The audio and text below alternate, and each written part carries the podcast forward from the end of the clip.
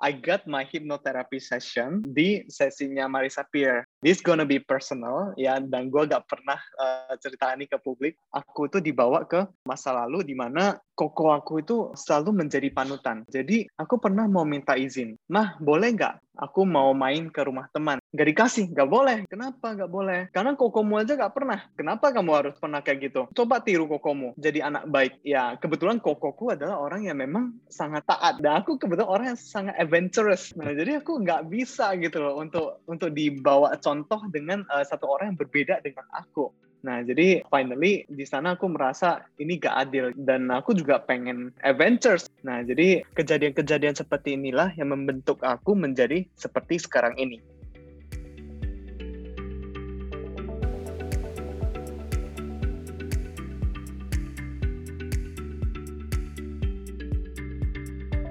Hai guys, welcome back to the Better Story Podcast. Nah, di podcast ini kita akan menguak dan membahas untold story atau cerita yang biasanya nggak diceritakan di balik pencapaian yang dicapai figur yang akan kita interview.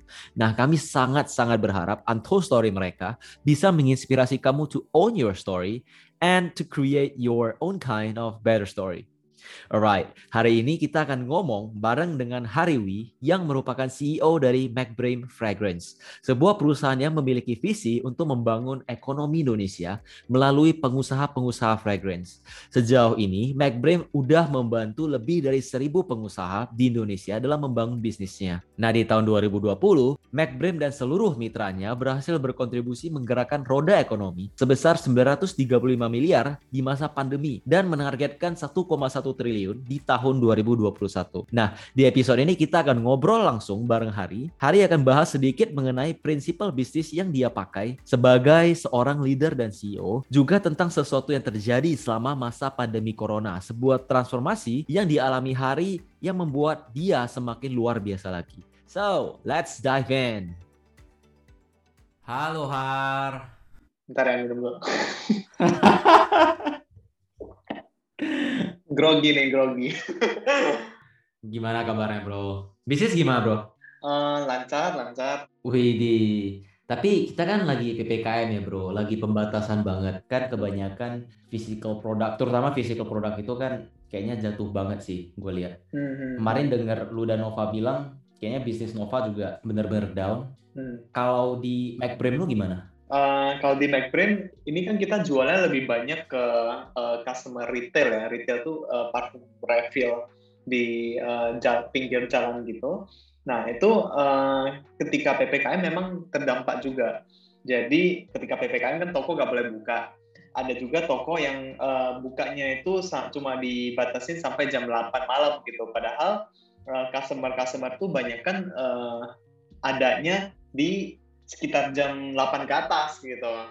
Nah, karena banyak orang yang uh, kerja uh, habis itu selesai kerja terus pergi uh, pergi ke tempat parfum untuk beli parfum. Nah, itu banyak kan setelah jam kerja. Jadi terdampak juga sih sebenarnya. Besar nggak dampaknya? Lumayan, lumayan. Uh, jadi tergantung daerah ya. Kalau ada daerah yang uh, memang sudah ppkm, um, itu akan kena dampak lumayan. Kalau daerah yang belum kena ppkm, nah itu masih oke okay, gitu. Terus lu cara menanggulanginya gimana, lu dan tim? Kita fokus ke pertama daerah-daerah yang pastinya nggak ada kena ppkm ya. Kita pastinya fokus ke daerah sana dulu karena uh, daerah yang di sana kan masih minim kasus COVID-nya. Jadi uh, belum belum ada uh, belum belum apa belum dibikin ppkm gitu peraturannya. Nah jadi masih bisa survive gitu di kota itu. Nah, jadi uh, untuk daerah-daerah yang memang sudah PPKM dan mostly sih sudah uh, sudah berlaku PPKM, nah kita mau gak mau ya harus uh, lebih defensif, maksudnya lebih konservatif lah. Jadi di company ya kita tetap lebih efisiensi untuk uh, cost-cost yang nggak perlu ya kita cut gitu. Nah kita malah menjalankan uh, campaign di mana supaya customer kita itu bisa lebih nyaman gitu dan aman gitu. Nah, jadi kita kasih campaign di mana kita kita supply masker, supply vitamin gitu supaya mereka tuh lebih safe gitu. Lu boleh sharing nggak Har, gimana cara lu lu dan tim ini tetap bisa sehati, sevisi, semisi meskipun dalam masa-masa pandemi kayak gini. Karena gue lihat kan kalian tuh kompak banget ya. Tapi masa pandemi ini kan pasti semua orang banyak pikir ya, banyak masalah, kita lagi chaos, uh, harus nutupi ini, nutupi itu. Gimana lu menanggulangi ini semua? Um, Oke, okay.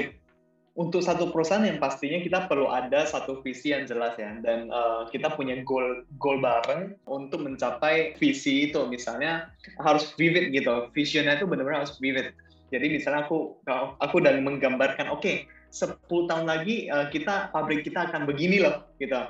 Terus untuk mencapai itu ya kita harus ngapain-ngapain-ngapain gitu. Nah, pertama mereka tuh harus ada itu dulu uh, menurutku. Jadi harus ada visi yang sama dulu. Yang kedua harus ada culture gitu. Nah, jadi uh, ada tiga poin penting uh, menurutku untuk membangun satu perusahaan. Satu, itu fondasi. Fondasi itu di mana datang dari uh, owner ataupun uh, CEO gitu. Nah, itu menentukan apa yang CEO itu believe. Nah, itu akan diturunkan ke semua timnya. Misalnya aku beli perusahaan itu harus inovatif gitu. Nah, jadi semua tim aku tuh harus bisa inovatif. Nah, itu itu yang pertama gitu. Terus misalnya uh, ada lagi fondasi di mana aku tuh percaya kalau kebaikan dan keadilan itu penting di dalam menjalankan satu perusahaan. Nah, itu juga harus diturunkan ke tim supaya tim itu benar-benar menerapkan itu juga. Jadi istilahnya itu mereka memakai baju McBrain, istilahnya itu mereka ya harus begitu. Itu identitasnya McBrain gitu. Nah itu fondasi gitu. Fondasi itu sangat penting.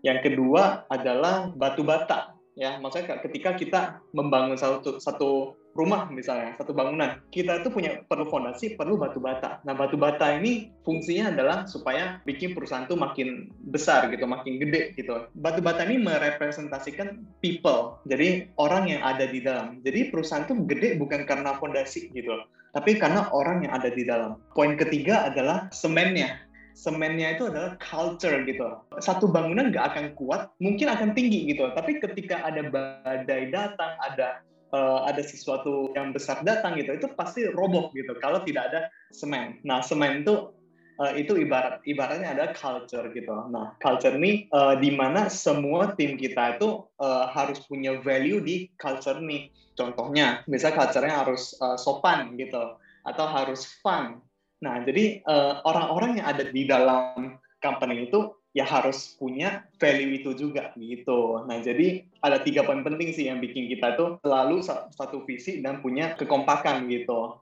Lu mention leader itu sebagai yang pertama ya, kan ulunya kan sebagai CEO. Lu mulai join ke McBrain tahun berapa Har? Um, tahun 2015. Lu boleh ceritain nggak dari 2015, 6 tahun lalu sampai sekarang proses Eh sorry, 2017, sorry Hmm. Apa yang terjadi selama empat tahun ini? Apa maksudnya? Apakah lu sebagai leader ada yang berubah dari lu atau uh, sistem manajemen lu sebagai CEO masih sama aja dari dulu sampai sekarang atau gimana?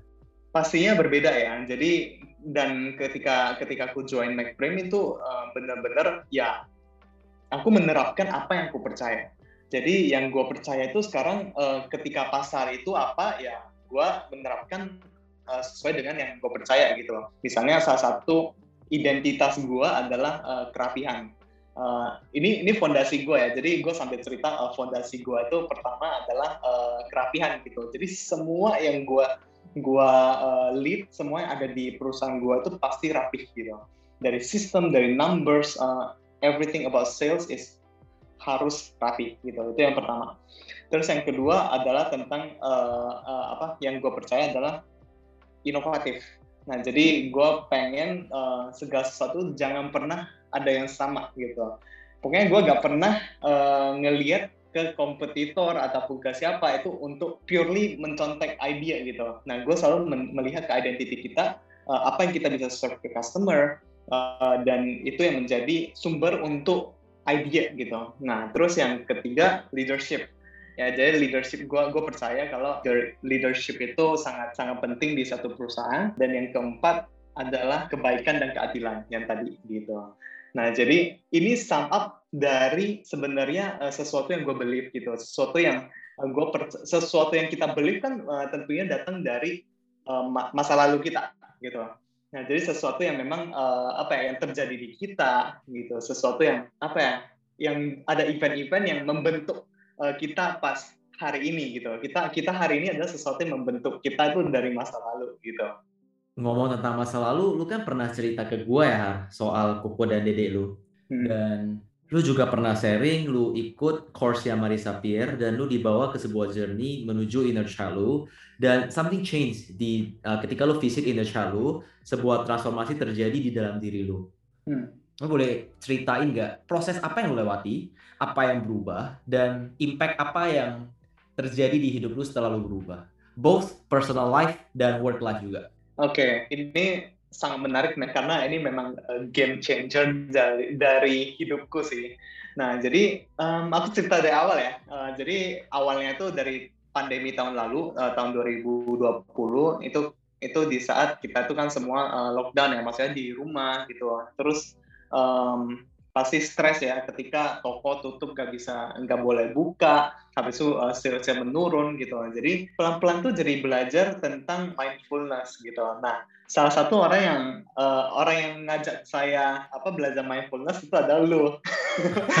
Jadi jadi kebetulan banget kita pernah ngobrol tentang mind valley ya kan? Nah jadi hmm. uh, pas saya itu lu juga push gue oke okay, coba belajar gitu. Ini bagus gitu. Oke okay, ya udah akhirnya gue belajar uh, dan akhirnya gue belajar semua tentang uh, mindfulness gitu. Jadi mindfulness itu adalah sesuatu yang menurutku kita mengerjakan sesuatu uh, atau react ke sesuatu dengan uh, sadar gitu. Jadi sebelum aku belajar mindfulness, aku ketika ada satu satu uh, event uh, kena ke let's say terjadi gitu, ada satu kejadian aku langsung react gitu Nah, itu sesuatu yang nggak mindful. Mindful adalah ketika kita benar-benar sadar apa yang kita lakukan dan kenapa kita melakukan itu. Jadi key-nya adalah uh, kita pause, habis itu kita think and then uh, react gitu. Jadi nggak langsung uh, react gitu. Nah, jadi uh, ketika itu aku found out gitu. Kenapa aku itu aku lebih mengenal diriku sendiri pas pas ketika aku mindful. Nah, jadi aku found out kenapa aku ini orangnya uh, gak mau ngalah sih kenapa sih uh, eh, gue itu orangnya uh, defensif gitu. Kenapa sih gue tuh gak pernah mau minta maaf atau gak pernah mau muji orang. Nah, jadi gue mau mencari tahu nih alasan kenapa gue bisa kayak gitu. Then I got my hypnotherapy session di sesinya Marisa Pierre. Nah, uh, this gonna be personal ya, dan gue gak pernah uh, cerita ini ke publik dan in, apa ya, maksudnya ini memang sesuatu yang mungkin banyak orang yang uh, juga pernah melewati ini gitu. Jadi ketika uh, hypnotherapy session, uh, aku masuk ke tiga tiga events yang mungkin uh, listener kamu juga uh, bisa relate ya. Yang pertama, aku dibawa ke masa lalu di mana uh, aku itu berantem dengan uh, adik aku.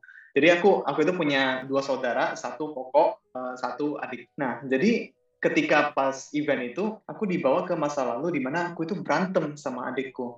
Uh, dia tuh selalu dibela. Padahal di pasar itu ya, uh, aku cerita sedikit. Jadi kita tuh berantem uh, karena um, rebutan mainan gitu loh. Nah, hmm. jadi akhirnya dia bilang, "Oh ya udah, ini ini lu ambil aja gitu." Habis itu dia marahin aku. Habis itu aku marahin balik. Ketika itu dia nangis dia nangis habis itu mamaku langsung datang gitu. Mamaku datang habis itu aku dimarahin kenapa kamu ini uh, ngerjain adik? Gitu loh. Padahal dia duluan gitu loh. Nah jadi ya memang kita sering berantem dan juga ada kala di mana aku itu yang salah gitu. Oke okay, I own that gitu. Tapi ada saat di mana memang adikku yang salah. Tapi setiap kali dia yang salah dia juga selalu dibela gitu.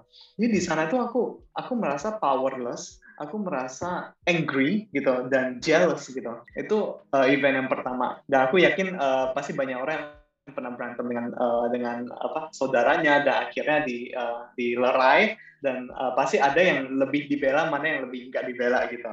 Nah ini kebetulan di sini aku yang lebih nggak dibela.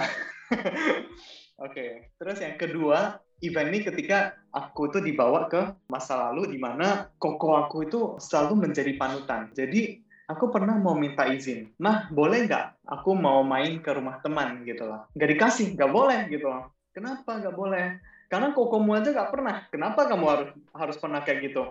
Coba tiru kokomu jadi anak baik gitu. Nah, jadi itu cuma salah satu hal gitu yang yang kokoku itu harus duluan baru aku boleh. Jadi itu jadi apa ya? Kan setiap orang itu beda ya. Jadi uh, aku juga yakin ya kebetulan kokoku adalah orang yang memang sangat taat gitu loh. Dan aku kebetulan orang yang sangat adventurous. Nah, jadi aku nggak bisa gitu loh untuk untuk dibawa contoh dengan uh, satu orang yang berbeda dengan aku. Nah, jadi finally itu di sana aku merasa ini gak adil gitu loh. Dan dan aku juga pengen adventures. Nah, jadi uh, itu event keduaku. Nah, terus kejadian ketigaku di mana kita, aku sangat sedih sih. Yang ketiga ini di mana ketika kita sekolah itu kan biasanya ada ba ada baju nih, ya kan kita pakai baju sekolah seragam nih. Nah, seragam sekolah itu aku sangat suka seragam sekolah yang baru dan rasanya tuh ketika lihat sesuatu yang baru itu kan uh, fresh ya gitu. Aku suka sesuatu yang bersih gitu. Nah, jadi kebetulan banget koko aku itu beda satu satu umur dengan aku. Nah, jadi kebanyakan dari bajuku adalah uh, baju kokoku, which is aku nggak dapat uh, mencoba baju baru. Bukan cuma baju gitu loh, tapi tapi juga misalnya buku uh, buku apa ya buku, buku bacaan, gitu, buku nah, bacaan. buku cetak gitu benar. Nah itu juga dari kokoku kasih aku. Nah, which is itu dalam udah banyak coret-coretan gitu. Aku nggak suka, aku suka sesuatu yang baru gitu lah. Aku suka sesuatu itu yang mau duluan gitu. Tapi berbeda dengan adikku. Adikku uh, kebetulan bedanya empat tahun, cukup jauh gitu lah. Jadi dia selalu dapat hal yang baru. Baju juga baru, gak mungkin dia pakai bajuku yang setelah empat tahun gitu kan, gak mungkin. Apalagi plus satu tahun uh, kokoku jadi total lima tahun gitu, gak mungkin gitu. Jadi dia selalu dapat yang baru. Jadi aku melihat di sini tuh ada satu uh, gap di mana aku merasa aku kok gak disayang gitu. Nah, itu posisi aku pas saat itu ya. Jadi, uh, don't get me wrong, I love my mother so much, I love my uh, parents so much. Tapi di sini uh, adalah posisi di mana masa lalu aku uh, ya begitu gitu dan masa lalu kan di mana sangat sangat terpengaruh ke pertama cara parenting, yang kedua ya apa yang ada di, di lingkungan kita gitu.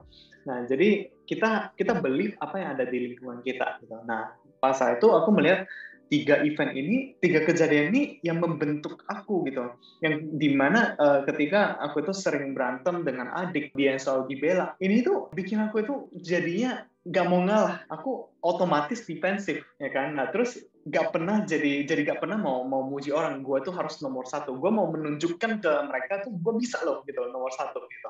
Apalagi kayak kayak ke koko gue gitu. Pokoknya nggak harus kok. Kenapa kenapa dia tuh uh, harus selalu menjadi contoh gitu. Gue juga bisa jadi contoh gitu.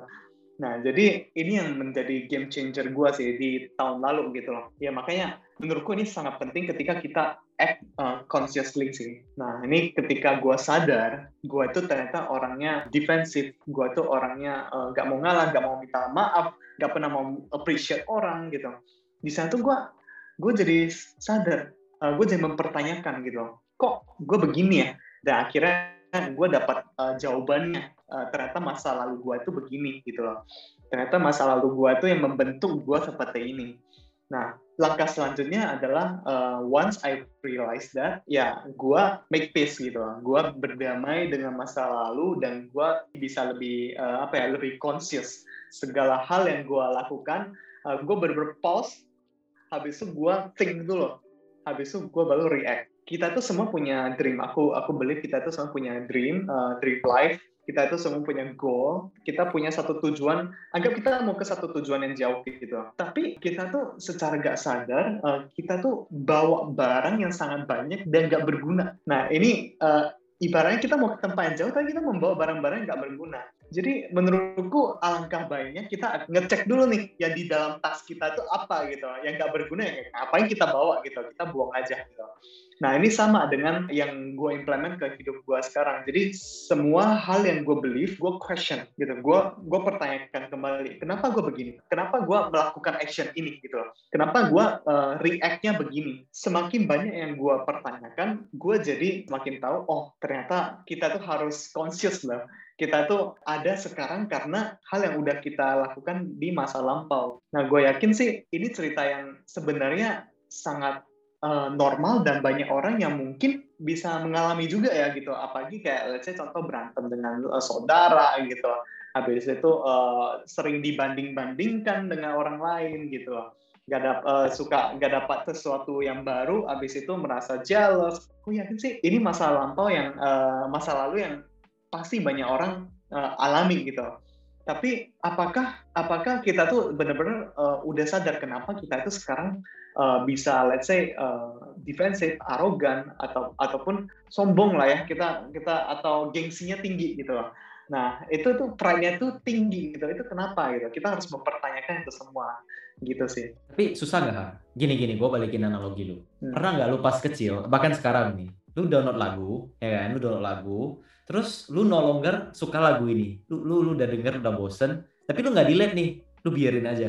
Pernah nggak lu dulu kayak gitu? Atau bahkan sekarang lu udah kayak gitu? Kebetulan aku bukan orang yang uh, suka simpan lagu, lagu ya. Jadi jadi gue gua suka denger lagu, cuma gue langsung play nih uh, ke YouTube gitu misalnya. Gue ganti deh, gue ganti deh.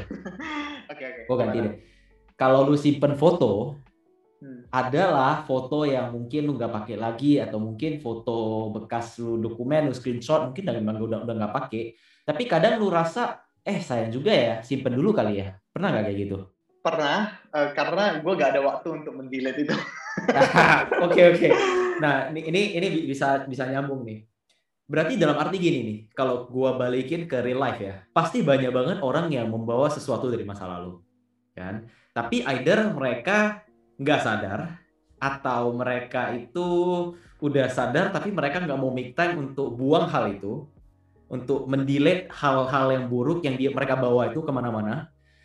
Atau mereka udah sadar nih tapi mereka nggak tahu cara buangnya. Makanya gue tanya ke lu susah nggak har untuk ngebuang hal-hal ini di pas udah sadar? Karena kan nggak simply oh gue merasa gue itu orangnya nggak sabaran mau menang kompetitif nggak mau kalah dan terus besoknya hari udah nggak kayak gitu lagi. Kan enggak hmm. nah gimana proses lu untuk membuang hal ini? Uh, jujur sih gini, menurutku ya kita ketika kita mau berubah itu nggak mungkin 100% langsung berubah besoknya.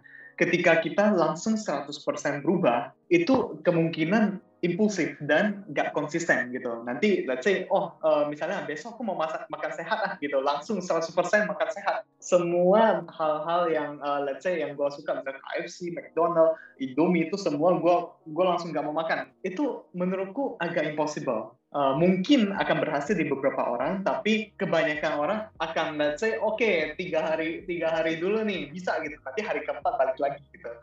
Nah jadi menurutku take the baby steps ya. Nah jadi kalau yang gue lakuin adalah pertama kita harus sadar dulu kenapa mindful itu penting, kenapa kita tuh harus tahu uh, benefit dari uh, acting conscious gitu. Nah ketika kita udah tahu uh, benefitnya dan kita mau melakukan perubahan itu, oke okay, kita baru uh, udah terbuka nih pintunya. Kalau enggak, kalau kalau enggak itu ya enggak terbuka, kita pasti akan uh, deny terus kalau itu itu penting gitu. Nah, kalau memang kita udah sadar uh, itu penting uh, untuk living consciously. Yang kedua adalah uh, kita kita tuh baru perlu dig down gitu. Apa sih yang bikin gue sekarang seperti ini gitu? Kita tuh harus aware gitu menurutku. Jadi pertama kita harus terbuka, kedua kita harus aware. Nah ketika kita udah aware kita baru bisa take action gitu. Nah actionnya ini actionnya ini sangat penting sih karena karena ketika kita actionnya terlalu apa ya terlalu uh, ekspresif ataupun uh, terlalu ekstrim ya menurutku itu itu akan terjadi hanya uh, beberapa hari dan nggak konsisten gitu. Sesuatu yang berubah langsung uh, menurutku itu either memang sangat tersadarkan langsung tertampar atau ya cuma uh, sebentar aja terjadi gitu karena impulsif gitu. Setelah itu ya udah kembali lagi normal. Jadi take the baby steps sih menurutku. Ngerti sih.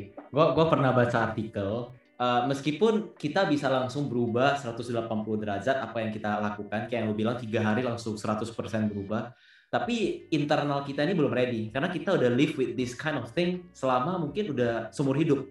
Dan kita tiba-tiba ganti. Maka ketika internal kita ini udah nggak tahan lagi dia rebel. Either dia sakit kita sakit lah atau kita emotionally uh, merasa abuse atau kita depre depresi stres. Jadi sehingga di hari keempat hari kelima kita biasanya kembali. Karena badan kita ini udah rebel nggak bisa ah masa lu gila tiba-tiba makan kayak gini? Gue mau makan gula atau gue mau makan makan yang gak sehat karena enak gitu. Atau mungkin teman-teman pas sengaja gue mau aja gitu. Gue per gue baca artikel ini dan gue relate banget sih. Karena gue sendiri pas berubah juga nggak bisa berubah langsung 180 derajat. Dan gue butuh teman-teman gue atau partner gue atau mungkin orang tua atau teman-teman terdekat tuh ngingetin ngingetin gue terus. Eh lu bukannya konsisten lu udah komitmen lu mau jadi orang kayak gini. Tapi lu malahan balik. Nah Har, gue pengen tanya lagi nih. Uh, setelah lu berubah nih, setelah lu udah buang uh, garbage lu yang gak bagus-bagus itu, impact apa yang terjadi di lu? Maksudnya dalam arti impact yang terjadi di hubungan relationship lu dengan um, partner lu, terus dengan orang tua, dengan kodede, dengan bahkan dengan orang-orang di perusahaan. Apakah lu ada nyari koko dede lu, eh gue udah sadar nih, ternyata gue kayak gini, sorry ya gitu. Apakah lu ada nyari mereka? Ada, jadi gue juga kemarin sempat ada satu kesempatan gue cerita dengan adikku. Pertama, ini ini yang uh, keluarga dulu ya. Jadi impactnya adalah uh, gue sadar gitu. Gue itu dulu dulu gue gini loh, gue cerita dulu tuh gue merasa begini loh. Uh, jadi gue merasa dulu itu kok gak adil gitu, kok gue merasa uh, gak disayang gitu. Nah itu kenapa gue uh, decide untuk uh, pindah ke Jakarta gitu. Padahal ketika sekarang mikir ya, uh, it's a very small thing, uh, tapi ketika kita kecil itu sangat berbeda gitu. Kita hanya punya dunia itu, ya which is ya dunia itu yang kita believe gitu loh. Nah jadi aku udah memperbaiki juga, maksudnya terutama sih hubungan aku ke diriku sendiri sih. Jadi ini sih nggak terlalu nggak terlalu impact, uh, maksudnya walaupun walaupun gue tuh sering berantem dulu sama adik ya memang apa ya sering jealous lah ya karena adikku lebih disayang misalnya. Ataupun kokoku yang lebih dipandang sebagai orang nomor satu gitu. Nah tapi uh, eh, gue tuh nggak terlalu uh, punya drama gitu dengan mereka gitu. Lebih banyak ke impactnya ke diri sendiri sebenarnya. Karena mereka juga gak banyak drama gitu loh. Ini lebih banyak impactnya ke diriku sendiri di mana gue jadi gue jadi lebih apa ya uh, lebih benefit ya. Karena gue jadi lebih conscious apa yang gue lakukan dan gue gak holding grudge gitu. Gue juga gak merasa itu secara tidak langsung sih sebenarnya. Jadi ini kayak kayak masa lalu yang terbawa tapi gak sadar gitu. Jadi berat gitu hidupnya. Gak merasa selama itu selama ini itu gue pengen membuktikan ke mereka kalau gue tuh lebih hebat dari mereka gitu. Nah jadi itu gak gak guna gitu. Loh jadi maksudku lebih baik kita menjadi satu tim gitu. Nah ini ini yang uh, efek yang pertama yang ke keluarga di mana ya hubungan kita jauh lebih dekat sekarang dan dan apa ya gue juga udah udah make peace dengan masa lalu gue gue juga lebih uh, gak pengen nunjukin kalau gue tuh memang uh, uh, gue gue tuh lebih hebat lah dari mereka. Enggak gue gue gak mau nunjukin itu lagi. Anyway gue operate itu semua secara tidak sadar dulunya gitu loh. Nah tapi sekarang ketika sadar ya gue gue benefit gue ya gue lebih sadar gitu. Gue lebih close dengan mereka. Gue jadi bisa ngobrol dengan mereka. Mereka juga lebih terbuka. Mau mau mau ngomong apa apa juga lebih terbuka gitu. Mungkin dulunya beda. Ketika mereka mau kasih masukan misalnya ke gue pasti hal pertama yang gue lakukan apa? Uh, eh, gue defensif. Udah pasti. Enggak kok enggak kayak gini kok. Enggak kok enggak kayak gini kok gitu. Pasti itu hal yang hal yang gue lakukan gitu. Karena gue gak mau gak mau menunjukkan kalau uh, dia itu lebih hebat dari gue kalau dia kasih gue saran berarti dia lebih hebat dari gue gitu. Gue gak mau gitu. nah itu sesuatu yang gak gak benefit di gue gitu. Nah kalau sekarang udah beda. Gue uh, gue udah lebih bisa menerima tapi ini nggak langsung terjadi apa ya the next day gitu. Enggak ini sih pelan pelan gitu loh. Pasti kadang kecolongan ya tapi kita take the baby step gitu tapi konsisten. Nah sekarang sih udah udah lebih oke okay sih dan udah lebih bisa menerima masukan gitu misalnya. Udah lebih bisa mengappreciate uh, apa yang mereka lakukan gitu loh. Dan lebih bisa mengerti kenapa uh, setiap orang itu punya tantangan masing-masing gitu loh. Nah itu efeknya ke keluarga. Terus yang kedua uh, efek ke pertemanan juga ada gitu. Jadi bahkan best friendku sendiri itu nggak pernah langsung gue tanya nih misalnya kayak menurut lo gue tuh gimana sih dulu gitu. Gue merasa gue tuh uh, dulunya kom kompetitif banget gitu. Gue gue tuh merasa uh, dulunya gue gak mau ngalah gitu orangnya. Menurut lo bener gak? wah best friend gue langsung bilang iya bener tuh. Tapi dia kenapa dia gak mau ngomong dari dulu gitu loh. Terus aku tanya kan e, kok lu baru baru ngomong ketika gue tuh nanya sekarang? Lu tuh udah beda sekarang. Lu lu bisa menerima itu sekarang. Kalau dulu mungkin uh, bener kata dia kalau dulu dia ngomong itu ke gue gue pasti langsung defensif. Enggak kok gue gak kayak gini gitu nah, jadi itu efek ke ke pertemanan juga kita jadi lebih dekat uh, sesuatu yang vulnerable kan bikin kita tuh semakin apa ya semakin lovable gitu. Kita tuh semakin human gitu. Jadi semakin dekat gitu. Nah itu di pertemanan gitu. Dan juga di relationship juga jadinya lebih terbuka ya pastinya. Ketika kita bisa ngobrol satu sama lain tanpa ada pride tanpa ada gengsi yang menjadi tembok menurutku itu akan membangun hubungan yang sangat baik gitu. Nah, terus di kerjaan, of course ada juga. Nah, jadi di kerjaan tuh dulunya dulunya kan gue adalah seorang pemimpin yang otoriter gitu. Jadi menurutku pemimpin tuh harus tahu semuanya. Jadi pemimpin tuh harus jadi orang nomor satu di company. Pemimpin tuh harus paling pintar di company. Pemimpin tuh uh, seorang CEO tuh harus harus apa ya? Uh, pokoknya pokoknya nggak boleh kalah lah di argumen gitu. Nah jadinya sangat sangat berbeda ya stylenya gitu. Itu berjalan tiga tahun gitu. Nah tahun keempat tuh gue ada gue adain leadership camp. Nah di sana tuh mereka merasa perubahan uh, yang cukup drastis gitu. Mereka mereka bahkan berani ngomong ke gue gitu. Kalau gue tuh dulunya beda loh. Uh, maksudnya Pak Hari tuh dulu gak kayak gini gitu. Mana bisa kita ngobrol kayak gini? Mana mau Pak Hari ngomong sesuatu yang dia tuh merasa dia tuh kurang gitu. Enggak, gak pernah gitu. Emang gue juga gue juga akuin itu gue dulu itu nggak nggak mungkin pernah mau mengakui kalau gue tuh oh gue gue salah gitu. Oh ini ya, lu lu benar gitu. Nggak pernah. Nah jadi sekarang itu malah benefitnya apa? Benefitnya itu sangat sangat banyak ya. Jadi pertama gue lebih appreciate orang. Gue lebih appreciate ke tim gue gitu loh. Banyak studi yang menunjukkan kalau orang yang happy ketika bekerja itu pasti akan lebih produktif gitu. Dan gue yakin lu juga percaya itu. Kita nggak mungkin bisa operate creativity kita, innovation kita itu di bawah uh, pemimpin yang otoriter gitu. Otoriter itu dalam artian kayak, oh lu harus gini ya, harus gini ya, bossy gitu. Oh lu harus gini gini gini gitu. Nah, pokoknya bosnya tuh nggak pernah salah. Nah, itu kayak gitu tuh nggak pernah akan ada inovasi gitu. Dan akhirnya perusahaan tuh nggak akan bisa autopilot. Ketika gue shift mindset gue, di mana gue tuh lebih bisa menerima diri gue sekarang dan gak semua orang itu perfect. Gue juga gak perfect di company. Gue bukan orang paling pintar. Semua orang ada expertise-nya masing-masing. Di sana gue udah mulai appreciate orang gitu. Nah, ketika gue mulai appreciate tim gue, itu sangat cepat ya berubahnya ya. Maksudnya dari satu tim itu dan tim itu langsung bergeraknya itu sangat leluasa gitu. Jadinya kayak dulu tuh kayak takut takut takut gitu. Sekarang kayak wah saya punya ide ini, wah saya punya ide ini gitu. Ini gimana kalau kayak gini Pak? Gimana kalau kayak gini Pak? Jadi diskusi itu jadi terbuka lebih uh, luas. Ide itu yang muncul, yang kita bahas juga lebih berkualitas gitu. Jadi dengan this way of thinking itu jadi activate mindset orang itu jadi lebih pertama nggak takut orang yang nggak takut itu pasti berani untuk kasih ide gitu berani berinovasi gitu nah ini yang bikin company-ku tuh sekarang maksudnya lebih oke okay gitu dibandingkan uh, masa-masa uh, awal gitu. Jadi sangat benefit uh, menurutku untuk acting uh, secara conscious ya. Uh, mulai dari uh, impact-nya tuh akan berasa ya mulai dari pertama pasti internal diri sendiri akan lebih uh, berdamai, uh, lebih peaceful. Yang kedua uh, di relationship, ya yang ketiga di pertemanan dan yang pasti yang keempat adalah di karir. Waduh, gua gua jadi belajar nih. Berarti kalau gua lebih mindful lagi, orang-orang bakalan lebih menghargai gua dan lebih bisa memberikan feedback ke gua dan gua lebih bisa berkembang ya. Dan harap berarti impact seorang CEO, seorang leader, kalau leadernya ini benar-benar berubah menjadi pribadi yang lebih baik itu benar-benar impactful ya berarti terhadap company sendiri dan terhadap internal sendiri ya.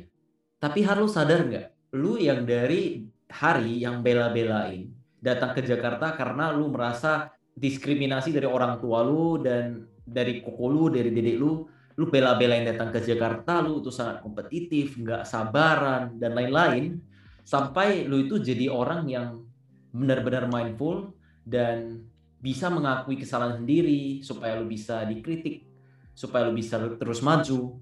Lu aware nggak terhadap perubahan ini dan apa yang lu lakukan setelah lu aware terhadap perubahan ini? Pertama tuh gue gue ketika gue masih uh, belum mindful ya maksudnya gue belum belajar sesuatu yang mindful uh, kan gue baru belajar mindfulness itu ketika di tahun lalu uh, pas pandemi gitu.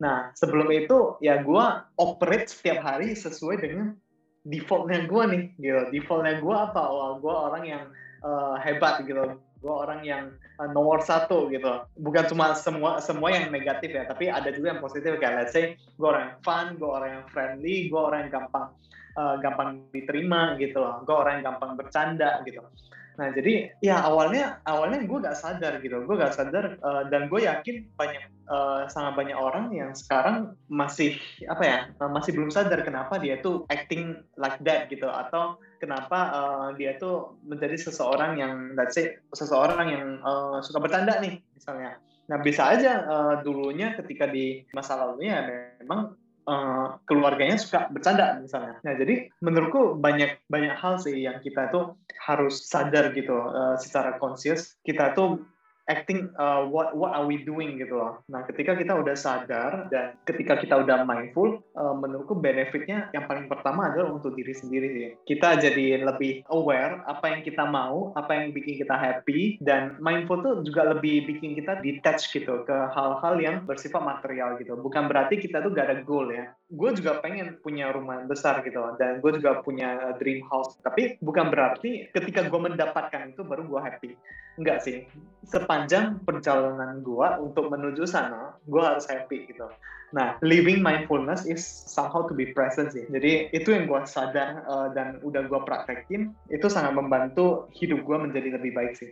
Thank you Har. I think we can close this episode. Ada nggak message yang lu pengen kirimin ke orang-orang yang sedang mendengarkan podcast ini? Maksudnya satu pesan yang menurut lu sangat penting dan lu harus sampaikan sekarang. Ada. Jadi everyone should be uh, mindful and be conscious about what you are doing and who you are right now. Question everything that you believe right now. Karena menurutku kita ada di saat ini ya karena apa yang uh, udah tershape di otak kita, kejadian-kejadian uh, masa lalu gitu, yang sangat sering terjadi menjadi satu habit yang adanya akhirnya kita believe gitu kalau itu itu benar gitu. Tapi apakah itu beneran benar gitu? You have to question it. Semakin banyak kita question, semakin kita bisa menjadi uh, seseorang yang mindful dan benefitnya akan menjadi sangat luar biasa. Dan juga thank you banget uh, Brilliant sudah uh, undang aku di sini dan uh, this is a very good platform dan aku juga mendengar cerita-cerita orang-orang hebat di uh, Better Story yang uh, apa yang episode 1 dan episode 2 luar biasa banget uh, dan aku merasa this could be really big and this this platform will help a lot more people to be uh, better for themselves. Yeah. Amin bro. Thank you so much for being here once again Har. Really appreciate it.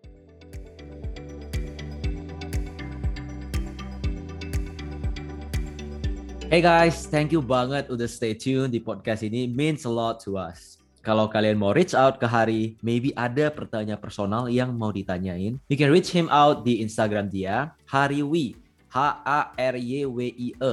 Gabung semua, nggak ada titik, nggak ada underscore. Dan kalau kamu belum, jangan lupa untuk follow podcast kita, subscribe, dan juga review. Terutama review karena itu akan sangat membantu kita untuk improve. Anyway, thank you once again. We love you all. Big love. Stay tuned and see you in the next episode.